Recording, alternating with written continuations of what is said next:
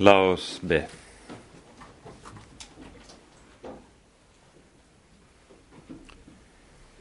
Kjære gode Herre, du hellige Gud. Vi takker og lover deg at vi skal få samles i ditt hellige navn. Og vi skal få samles i troen på Herre, at det er du selv som vil være med oss. Det er du selv som vil ha oss i tale. Og derfor ber vi deg, Herre, kom du og vær til stede, slik du har lovet det. Kom, Herre, med din Hellige Ånd, og åpenbar ordet ditt for oss. Kom, Herre, du, og ta deg av våre hjerter at vi virkelig kan høre det du har å tale. Skap den stillhet, Herre, der alle andre røster forstummer, og du alene får tale til oss. Det ber vi, Herre, for Jesus skyld, og takker og lover deg fordi du er god og din miskunnhet varer til evig tid. Amen.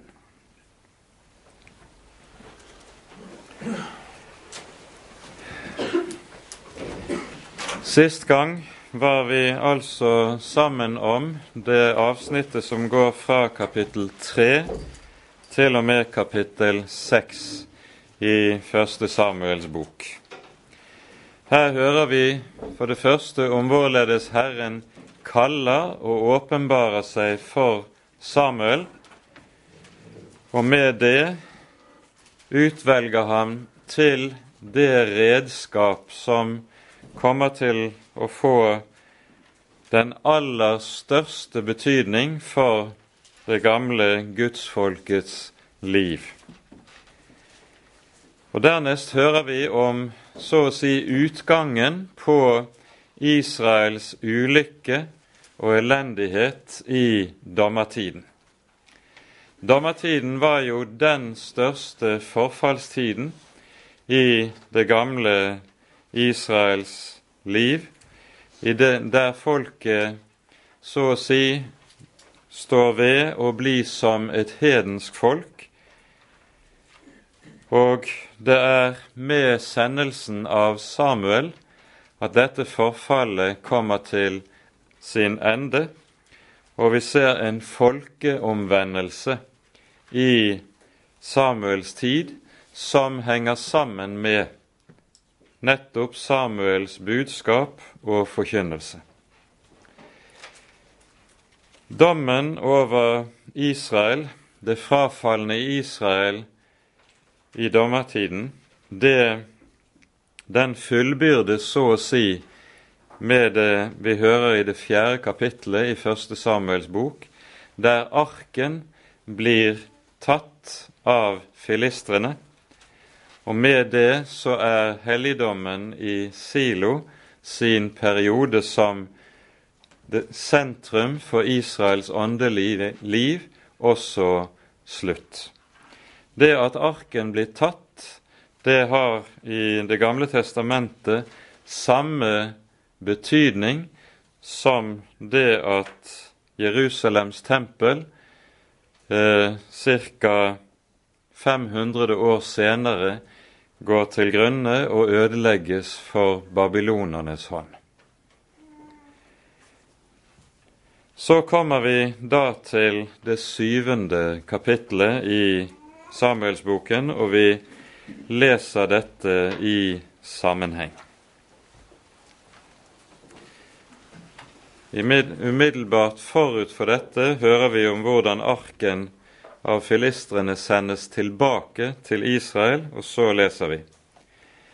Da kom Kirjatje Arims menn og hentet Herrens ark opp og bar den inn i Abinadabs hus på haugen, og hans sønn Eliasar viet de til å ta vare på Herrens ark. Fra den dag arken kom til Kirjat Jearim, gikk der en lang tid, 20 år gikk det. Da sukket hele Israels hus etter Herren. Og Samuel sa til hele Israels hus, Dersom dere vender om til Herren av hele deres hjerte, så har de fremmede guder og astartebildene bort fra dere, og vend deres hjerte til Herren og tjen ham alene. Så skal Han fri dere av filistrenes hånd. Da skilte Israels barn seg av med balene og astartebildene og tjente Herren alene. Og Samuel sa, La hele Israel samle seg i Mispa, så vil jeg be til Herren for dere. Så samlet de seg i Mispa, og de øste opp vann og helte det ut for Herrens åsyn, og de fastet den dag og bekjente der, Vi har syndet mot Herren. Og Samuel dømte Israels barn i Mispa. Da filistrene hørte at Israels barn hadde samlet seg i Mispa, dro filistrenes høvdinger opp imot Israel, og da Israels barn hørte det, var de redde for filistrene. Og Israels barn sa til Samuel, Hold ikke opp med å rope for oss til Herren vår Gud, at Han vil frelse oss av filistrenes hånd. Da tok Samuel et diende lam og ofret det helt som brennoffer til Herren.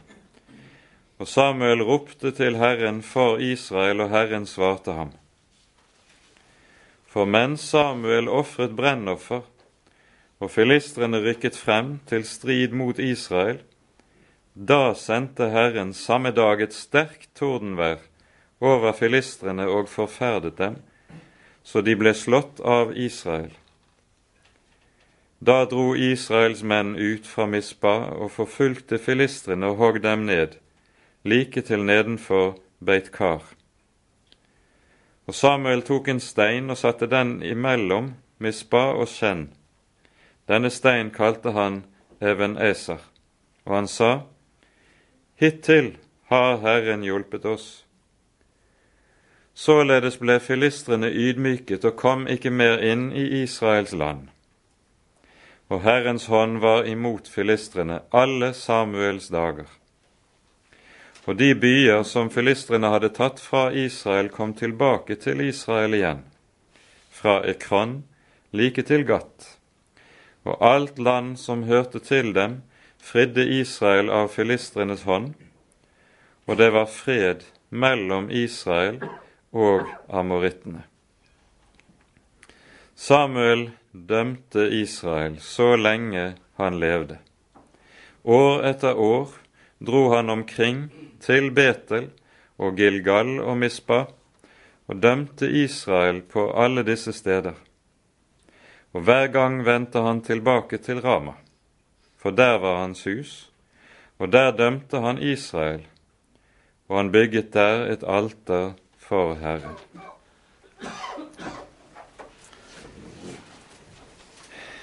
Vi hører nå altså at etter dette store nederlaget som Israel lider for filistrene, går det 20 år. Det er en periode der Israel så å si er treller under filistrene. Filistrene har herredømme over hele landet, over hele folket. Og Det innebar at folket da også var skatteskyldig til filistrene. Det var et åk som var meget tungt for folket å bære. Disse 20 årene etter det store nederlaget, det er samtidig også en Herrens tukt over folket. Vi ser jo gjennom hele dommertiden at når folket faller fra Herren, så lar han folket ligge under for deres fiender. Fiendenes hånd blir liggende tungt på Israels folk, og det leder i sin tid til at folket begynner å søke Herren igjen. Dette ser ut til i Skriften å være stadig Herrens virkemåte for å vende folket tilbake til seg. Han sender nød. Nød som ofte kommer i form av krig og undertrykkelse, men han bruker også andre slags midler for å arbeide på deres omvendelse. Slik nød er altså noe av det viktigste arbeidsredskapet Gud har når han skal nå inn til oss. Og vi hører det lyder nå da sukket hele Israels hus etter Herren.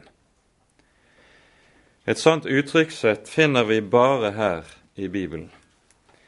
Vi hører jo ofte at folket kan sukke men at det sies at de sukker etter Herren, det hører vi ikke så ofte. Det som skjer i dette, det har vi sammenfattet for oss i en sum flere steder i Bibelen, bl.a. i Jobbs bok. Og Der leser vi slik i det 36. kapitlet. Jobb 36 fra vers 8 av. Og om de blir bundet med lenke og fanget i ulykkens snarer, så vil Herren dermed foreholde dem deres gjerninger, deres synder, at de viste seg gjenstridige, og åpne deres øre for advarselen, og formane dem til å vende om fra det onde. Om de da hører og tjener ham, så får de leve sine dager i lykke og sine år i herlighet og glede. Hører de ikke, da skal de gjennombores av spydet og omkomme i sin uforstand. Så hopper vi til vers 15. Han frelser de ulykkelige ved deres ulykke, og åpner deres øre ved trengselen. Merk dette. Her sies det altså at trengselen er Guds redskap til å åpne menneskers øre for hans tiltale. Og som vi leste i vers 9, så vil han dermed foreholde dem deres gjerninger, deres synder, at de viste seg gjenstridige. Det er nemlig slik med oss mennesker, det ligger dypt nedlagt i oss etter syndefallet. For det første at når vi har det godt, så fristes vi meget fort til å tenke 'jeg klarer meg godt uten Herren'. Og for det andre så bruker en ofte medgangen som et slags mer eller mindre bevisst påskudd for tanken at nemlig når jeg har det så godt, så er det fordi Gud er med meg. Og når jeg da møter nød og ulykke, da vil før eller senere den tanke begynne å melde seg. Hvis Gud var med meg da jeg hadde det godt, da er Han kanskje imot meg når jeg nå har det ondt. Hvorfor skjer det? Og så vil et menneske i nød og trengsel begynne å ransake seg selv. Det skjer slett ikke med alle, langt ifra, men det skjer likevel ganske så ofte. Og så er det altså, hører vi, at det er to verktøy som Gud lar gå sammen i dette. på den ene siden nøden, og sammen med nøden lar Herren Samuels forkynnelse gå. Gjennom disse 20 årene har Samuel slett ikke tiet stille. Det vi leser i vers 3 her i det syvende kapittel, det er en sammenfatning av det som har vært Samuels forkynnelse for Israels folk gjennom alle disse 20 årene. Og Så skjønner vi at når Herren virker til omvendelse, kaller til omvendelse, så bruker han ikke bare nøden, men også ordet. Og disse to ting, Herrens hånd, som ligger tungt på, og Herrens ord, som lyder klart og tydelig, det er det som i sin tid bærer frukt for folket til omvendelse. Her er det sånn at i det fjerde kapittelet i første Samuels bok, i det første verset, så hører vi det sies at Samuels ord kom ut til hele Israel. Og så ligger disse 20 årene imellom, og vi møter Samuel igjen da her i vers 3. Og vi skal legge nøye merke til det som er innholdet i Samuels forkynnelse. For det første så forkynner han altså omvendelse. Vend om, dersom dere omvender dere til Herren. Denne omvendelsesforkynnelsen den sikter på menneskenes hjerter. Han sier, 'Dersom dere vender om av hele deres hjerte'.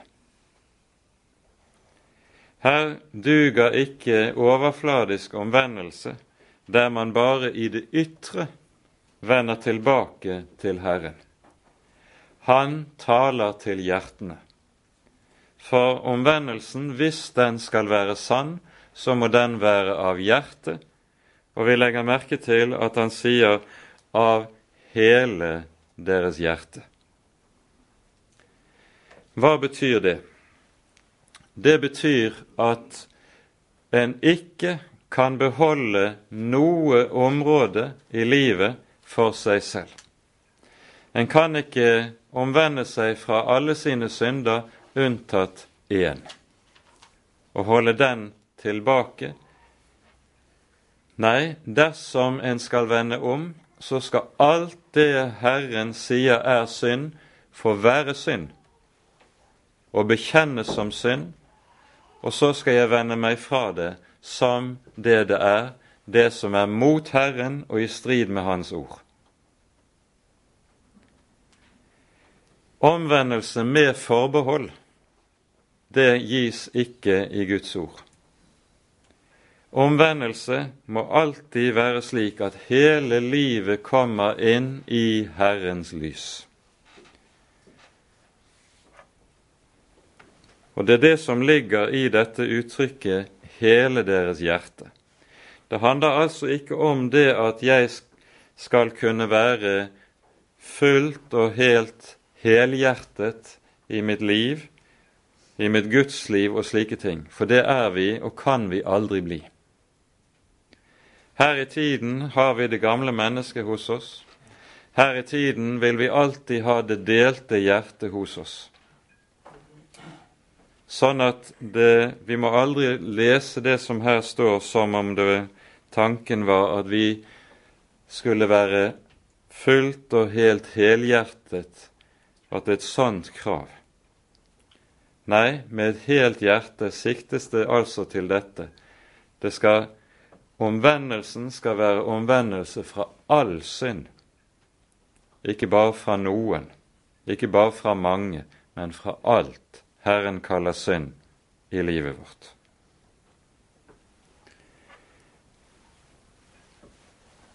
Den fremste synd som Samuel har pekt på og talt imot, det er avgudsdyrkelsen i Israel. Ha de fremmede guder og astartebildene bort fra dere. Altså, omvendelsesforkynnelsen handler ganske særlig om det første bud. Han har nok også talt om alle de øvrige budene, men skal det tales til omvendelse, så er det først og fremst første bud det handler om. For det avgudene alltid tillater, det er at egoet vårt får lov til å komme frem og ha førsteplassen i livet. Det er no, i det hele tatt noe av det som kjennetegner avgudsdyrkelsen slik Bibelen lærer oss den.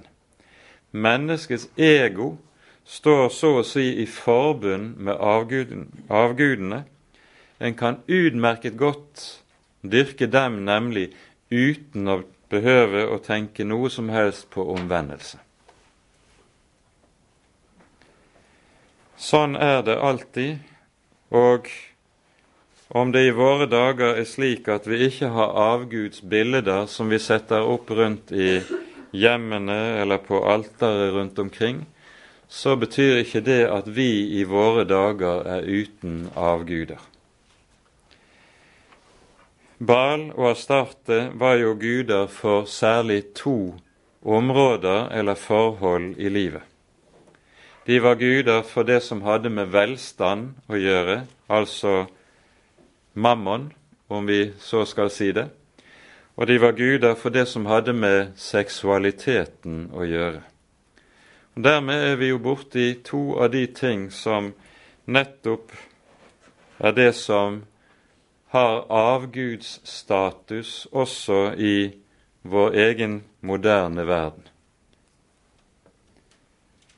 Mammon og sex, det er de to ting som menneskene er opptatt av, og som Massemedia og alt er oppfylt av det. Det alt dreier seg om. Og begge disse to, mammon og seksualiteten, de handler om dette at egoet får lov til å blomstre. Jeg søker meg selv, jeg søker mitt eget. Så skal det tales til omvendelse i våre dager, så er det også de samme ting som står der og er adressat. Det er dypest sett ikke så veldig mye nytt under solen. Skal Herren slippe til i livet, så må Han få tale til oss om vårt forhold til pengene, til mammon, til velstand. Skal Herren få slippe til i livet vårt på ramme alvor, så må Han også få tale til oss om forholdet vårt til seksualiteten og det sjette bud. Han som har skapt oss, er den som også vet hvorledes det skal være, om det skal være rett i livet vårt.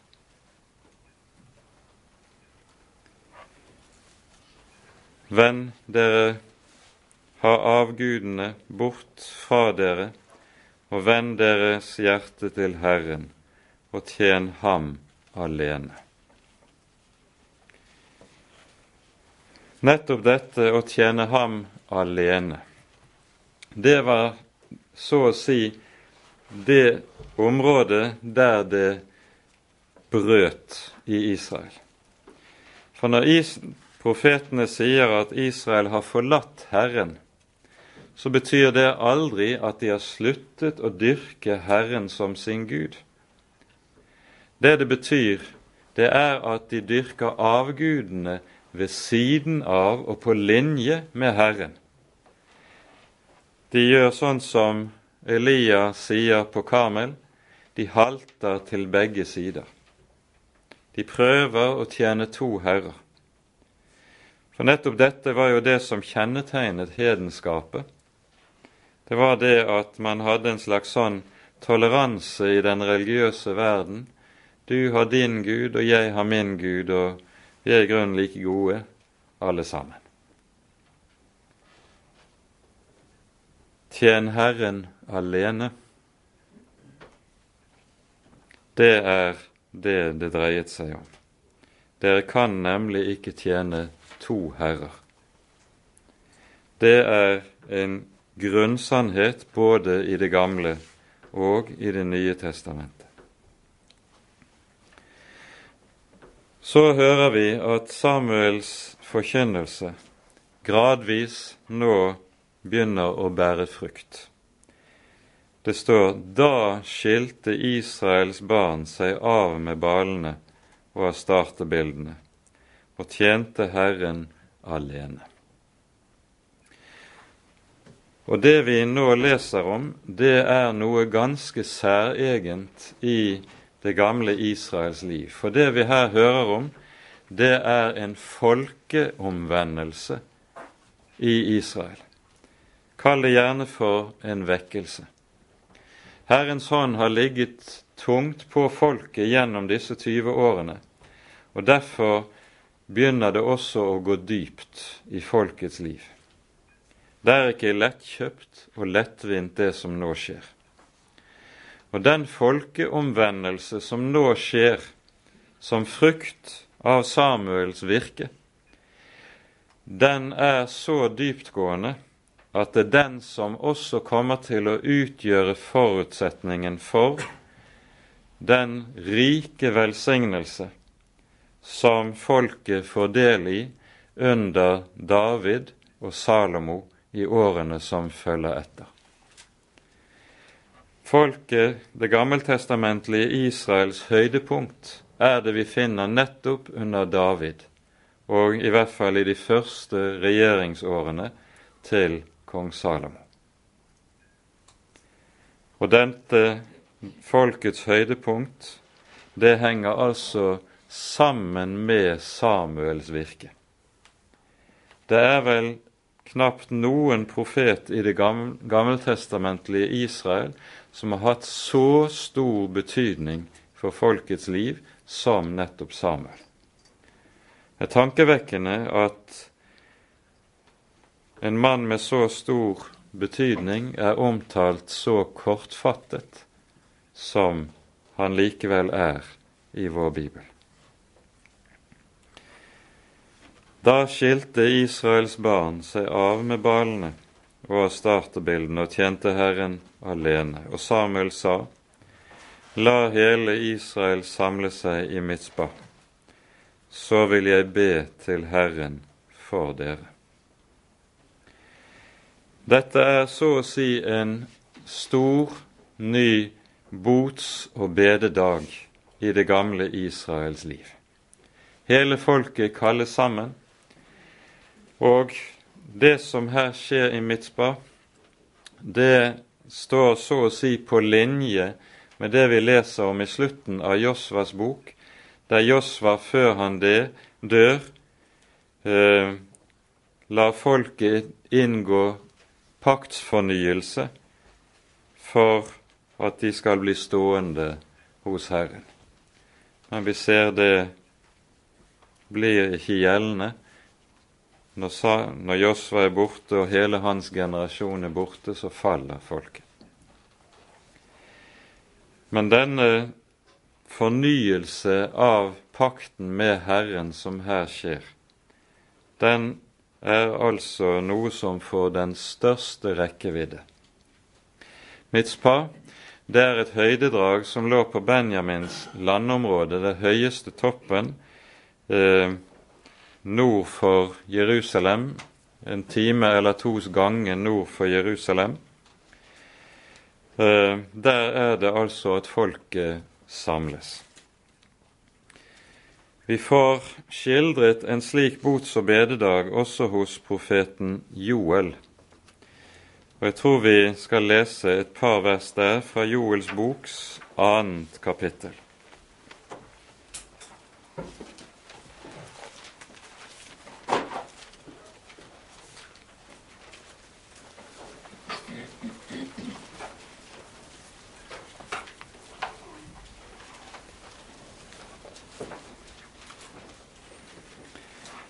I kapittel to leser vi først vers 12 og 13. Endog nå, sier Herren, vend om til meg med hele deres hjerte, med faste og gråt og klage. og sønderriv deres hjerte og ikke deres klær, og vend om til Herren deres Gud. For han er nådig og barmhjertig, langmodig og rik på miskunnhet, og han angrer det onde. Så hopper vi ned til vers 16. Samle folket, tillys en hellig sammenkomst. Kall de gamle sammen, samle de små barn, endog den som dier mors bryst. La brudgommen gå ut av sitt rom og bruden av sitt kammer. Mellom forhalen og alteret skal prestene, Herrens tjenere, stå gråtende og si, Spar, Herre, ditt folk. Overgi ikke din arv til vanære, så hedningene får råde over dem. Hvorfor skal de si blant folkene, Hvor er deres Gud? Da blir Herren nidkjær for sitt land, og han sparer sitt folk. Det er noe av dette som vi her leser hos Joel, som skjer også her i Mispa. Folket sønderriver sine hjerter. Når det står at de sukket etter Herren, så er det det som ligger i det, nemlig. Faste, som vi hører folket gjør, det er i Bibelen nettopp uttrykk for og symbol for sorg over synd. Og til dette knytter Bibelen det største løftet. Den som har et sønderbrutt hjerte og et sønderknust hjerte, ham er det Herren vil frelse. Ham er det Herren vil ta seg av. Fasten er så å si det billedlige uttrykk for dette. Når det står om folket her at de øste ut vann for Herrens ansikt, så symboliserer det at de bekjenner synden. De så å si de utøser sitt hjerte, alt det som de har gjort. Det nevnes ved navn. De forteller det akkurat sånn som det er. Synden bekjennes. Vi legger merke til hvor kortfattet det er sammenfattet her. De fastet den dag og bekjente der vi har syndet mot Herren. Ingen forbehold, ingen forsøk på å pynte på det hele. Kaldt eller nakent og nøkternt lyder det vi har syndet. Det er dette som Bibelen kaller for omvendelse. Når et menneske på denne måten så å si legger hele sitt hjerte, sitt liv fremfor Herren i bønn om nåde, da kan Herren ikke, så å si ikke vente med å svare. For vi legger merke til Samuels forkynnelse, den var også ledsaget av et løfte. Han kalte til omvendelse. Han kalte folket til å vende bort fra avgudene, og så gir han løftet. Så skal Herren fri dere av filistrenes hånd. Ifølge Moselov Dette er noe vi hører nemlig gjentatt i Mosebøkene en rekke sammenhenger. Når folket forlater Herren, da vil han la dem ligge under for sine fiender. Det at de har fiendenes hånd på nakken, det er selve det ytre, synlige uttrykket for at Herren er vred på sitt folk. Og når Herren løfter dette åket av dem, så er det også det synlige uttrykk for den synlige pakten på at Herrens nåde hviler over folket. Slik er tankegangen i Mosebøkene, og dette åpenbares meget tydelig i det som skjer i fortsettelsen. For når folket nå er kommet sammen her i Mitspa, så er det for å søke Herren. Det er ikke med tanke på å møte filistrene og deres plageånder. Men filistrene tenker umiddelbart og aner her kan der ligge kimen til opprør. Og for så å si å kvele et mulig opprør allerede i sin begynnelse, får de meget raskt stampet hæren sin på bena og drar ut for å slå Israel på ny. Og Israel, som slett ikke er beredt på og forberedt på kamp, de bever i møte med det de nå ser for seg. De husker altfor godt hvordan de gjennom lang tid har ligget under for filistrene og ikke har hatt noe som helst å stille opp imot dem. Det er en fiende som er dem aldeles overmektig.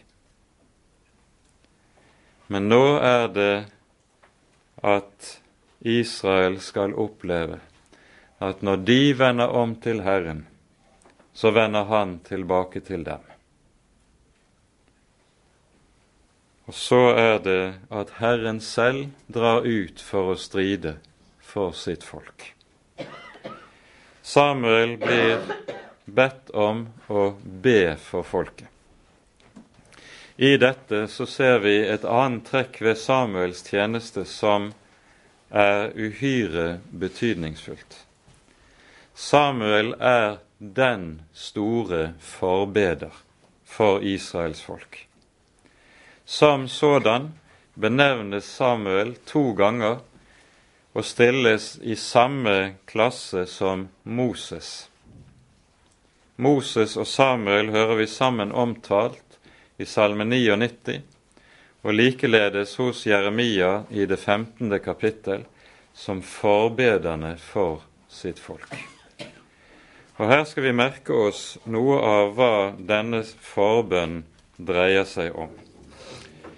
I 2. Moseboks 32. kapittel hører vi om Israels synd med gullkalven. Og så hører vi om hvorledes Moses ber for folket. Moses er oppe på Sinai, og Herren sier til ham hva som er skjedd nede i leiren med, i forbindelse med gullkalven som er laget der nede.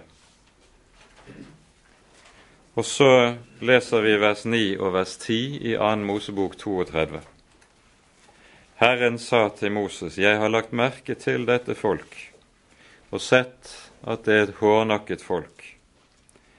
La nå meg få råde, så min vrede kan tennes opp imot dem, og jeg kan ødelegge dem. Så vil jeg gjøre deg til et stort folk. Denne setningen, som i våre bibler er omsatt med 'la nå meg få råde', den betyr bokstavelig etter grunnteksten 'la nå meg være i fred'. La meg få være alene. For det Moses har gjort i sin forbønn, det er at han stiller seg opp mellom Herren og folket. Mellom den vrede Gud og folket som har falt i synd. Han blir en mellommann som med et uttrykk fra Salme 106 stiller seg i gapet for Herrens vrede, og så å si stenger for vreden at den skal ramme folket. Hvor langt Moses er villig til å gå i denne sin forbønn for folket, det hører vi litt lenger ute i kapittel 32, der Moses ber slik i vers 32. Og om du ville forlate dem deres synd, men hvis ikke, da slett meg ut av din bok som du har skrevet. Han er så å si villig å gå inn og gi livet sitt som stedfortreder for folkets liv. Det skulle Moses ikke være. Det var en annen som skulle og kunne være en slik stedfortreder, som fikk sitt navn slettet ut av livets bok for at du og jeg skal få ha våre navn i livets bok. Det er Han som er Guds sønn, vår stedfortreder og vår talsmann. Men vi ser her altså i hvor sterk grad Moses er en slik forbeder, som stiller seg imellom som talsmann for et syndig folk. Dette er det også Samuel er. Han er den store forbeder for folket. Og i det tolvte kapittelet i første Samuels bok når Samuel offisielt nedlegger sitt embete etter at Saul eh, av hele folket er samlet til og anerkjent som konge, så sier folket på ny at Samuel må be for dem. Og Samuel svarer, det være langt fra meg å synde mot Herren, så jeg skulle holde opp og be for dere.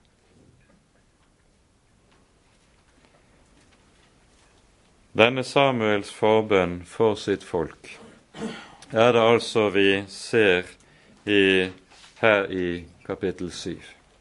Ledsaget med brennofferet som han ofrer her på fjellet på Mispa, så hører vi Herren svare på Samuels bønn. Der kommer et voldsomt tordenvær som jager angst inn i den fremrykkende hæren til filistrene, og som gjør at de spres og tar flukten, og dermed blir et lett bytte for det Israel som ikke var beredt til kamp, men nå, på Samuels ord, setter etter sine fiender og kan hugge dem ned.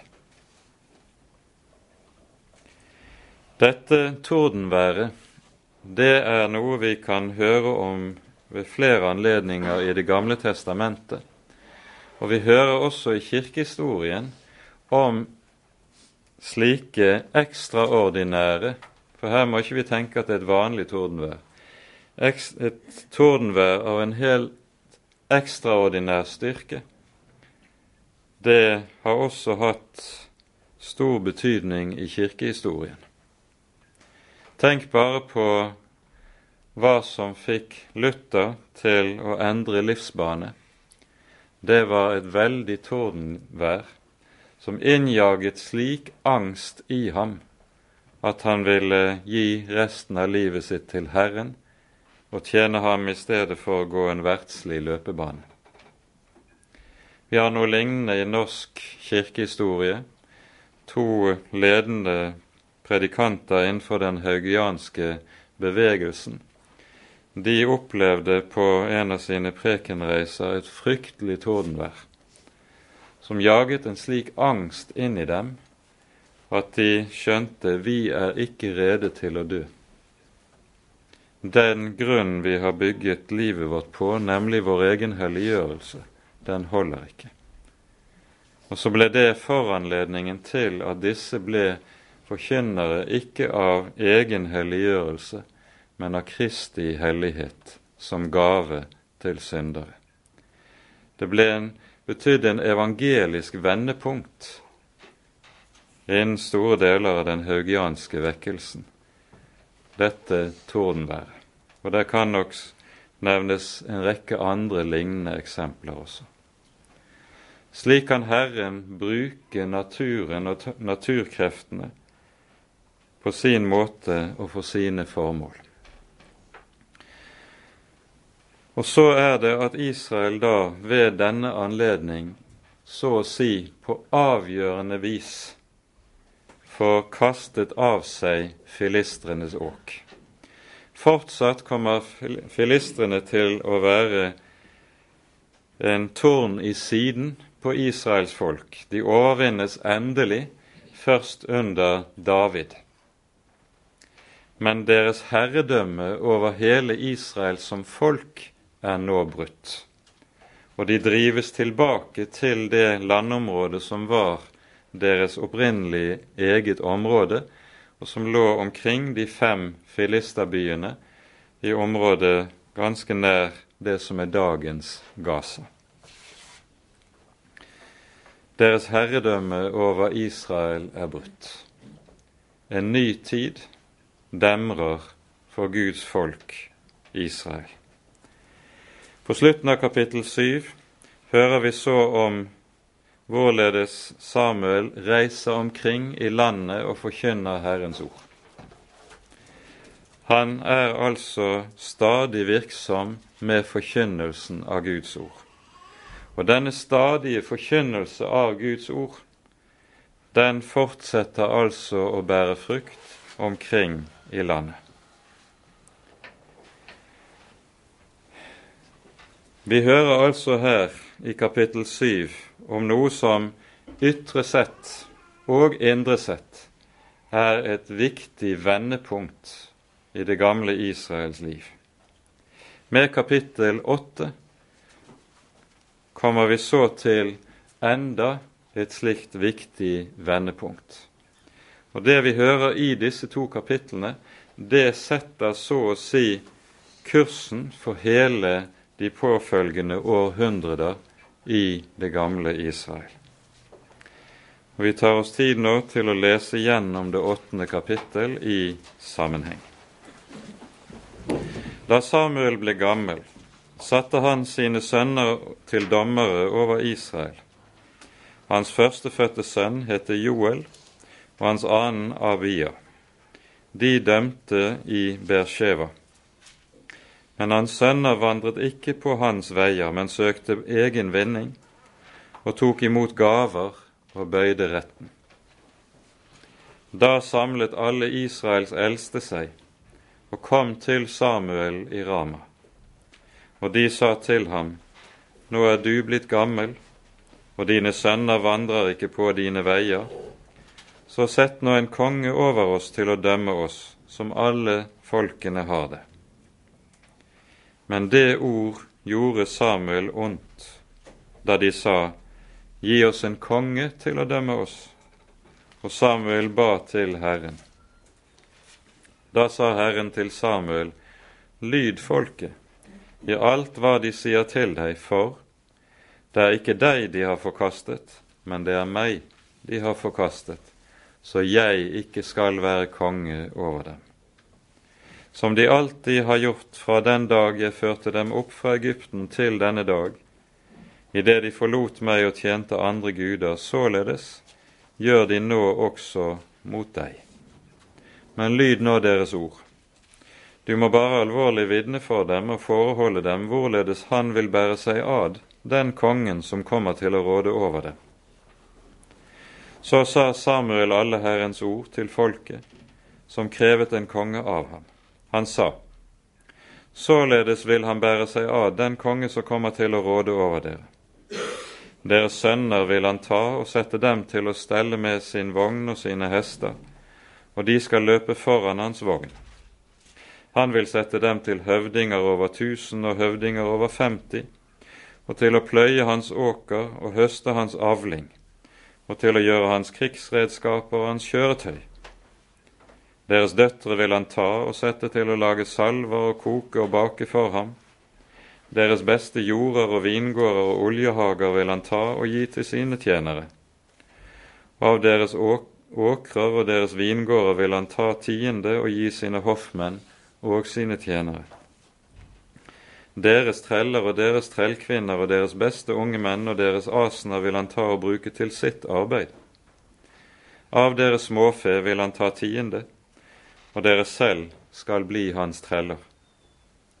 Da skal dere den dag rope til Herren for den konges skyld som dere har kåret dere. Men den dagen skal Herren ikke svare dere.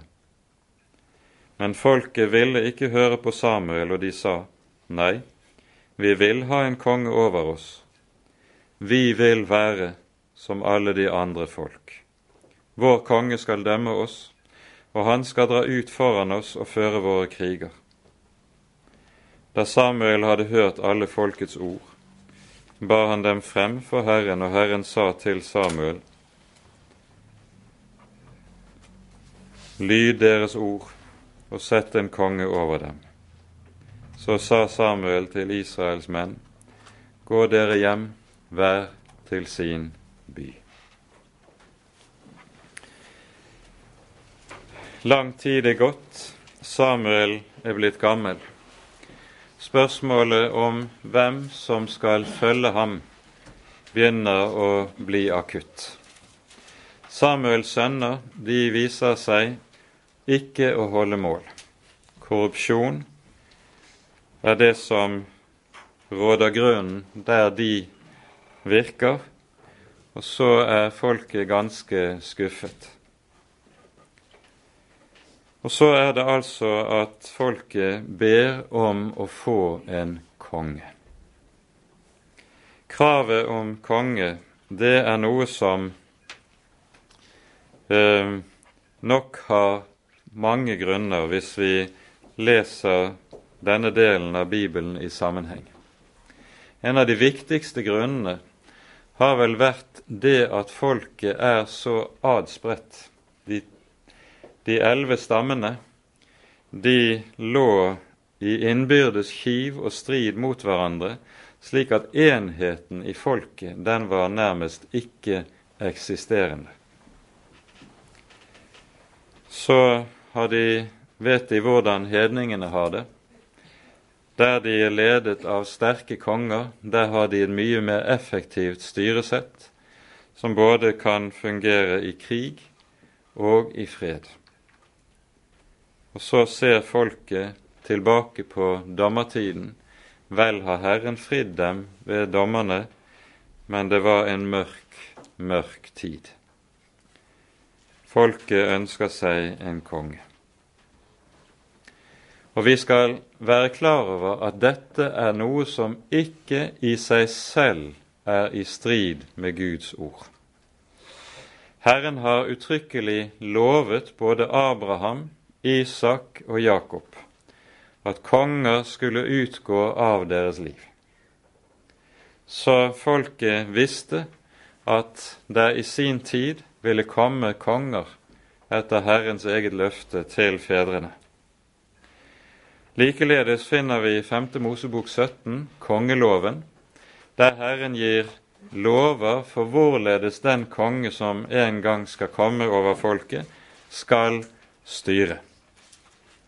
Sånn at alt dette er forutsatt tidligere i Mosebøkene. Hva er det da som er problemet? Hva er det som er galt med folkets krav på å få konge? Det som er galt, og som gjør at Herren må si 'det er meg de har forlatt', det er begrunnelsen. Vi vil være som alle de andre folk. Det er problemet. Det kan være kloke grunner til å kreve en konge. Det kan være sånn at folket har et godt og rett mål for øye med å kreve en konge. Men begrunnelsen vi vil være som alle andre folk, den gjør at folket likevel legger for dagen at de lite har forstått. Her kunne vi godt dra linjen til siste søndags prekentekst, der vi hører om en Peter. Han hørte Jesus til. Han var født på ny, men hans innsikt i Herrens veier var særdeles begrenset. Og så må Jesus si til ham du har ikke sans for det som hører Gud til, bare for det som hører mennesker til. Trass i altså at Herrens ord har gjort sin gjerning og virket i folket, så er det enda meget, svært meget, som står tilbake og ønsker når det gjelder åndelig erkjennelse. De har sans for det som hører mennesker til, ikke for det som hører Gud til. Og så kommer dette til uttrykk ikke minst i hvordan de tenker seg at Guds rike skal styres og organiseres. Og Her står vi overfor noe som stadig har vært en fare gjennom hele den kristne kirkes historie. At den vil styre og innrette og organisere seg i Guds rike like som i verden. Vi vil ha det som alle de andre folk. Enten man her tenker på Romerkirkens pavedømme, der paven reelt inntar samme eh, plass og har samme styringssystem som de romerske keiserne hadde det. Man styrer som folkene gjør det. Eller man anvender moderne strategier for hvordan organisasjoner skal ledes og vokse for arbeidet i Guds rike, det spiller for så vidt liten rolle. Bakom ligger hele tiden den samme tankegangen. Vi vil være som alle de andre folk. Guds rike er et annerledes rike. Guds rike er derfor også et rike som skal styres på ganske annen måte enn denne verdens riker. Dette har folket ikke forstått, og så får de høre disse hårde ord. Det er ikke deg de har forkastet, sier Herren, men meg. Da blir det kanskje underlig at Herren da samtidig sier til folket, lyd dem i det de ber deg om. Når folket bryter med det som er Herrens vilje, Hvorfor sier da Herren til Samuel, gjør som de sier til deg? Bakom dette ligger noe som vi meget ofte ser er Guds måte å arbeide med mennesker på. Han lar mennesket få sin egen vilje, og lar dem så å si med det få løpe linen ut og se hva som blir konsekvensene av at de får sin egen vilje. Det at mennesket får sin egen vilje, for så å si trumfet den igjennom, det blir til en Guds skole for, for dem.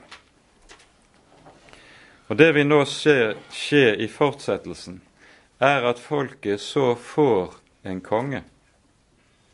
En konge etter sitt eget hjerte. Saul blir i sitt styre og i sin person nettopp innbegrepet på hva det er å få en konge på menneskelig vis. Og Saul og, Samuel, Saul og David står overfor hverandre som to radikale motpoler. David er kongen etter Guds hjerte. Saul er kongen etter folkets hjerte. Det er den store forskjell mellom disse to. Så får de altså først en konge etter sitt eget hjerte. Og Samuel får på Herrens bud advare folket om hvordan denne konge vil komme til å oppføre seg. Det er en klassisk østlig tyrann som males for våre øyne. Det var slett ikke alltid godt å være et folk under den slags konger. De får hva de ber om.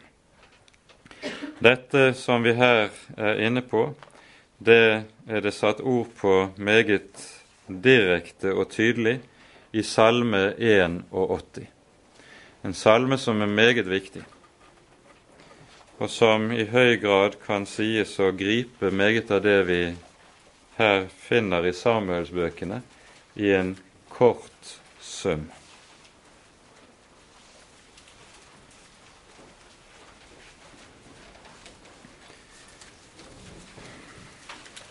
Om vi leser her Salme 81 fra vers 8, så hører vi I nøden ropte du og jeg fridde deg ut. Jeg svarte deg skjult i tordens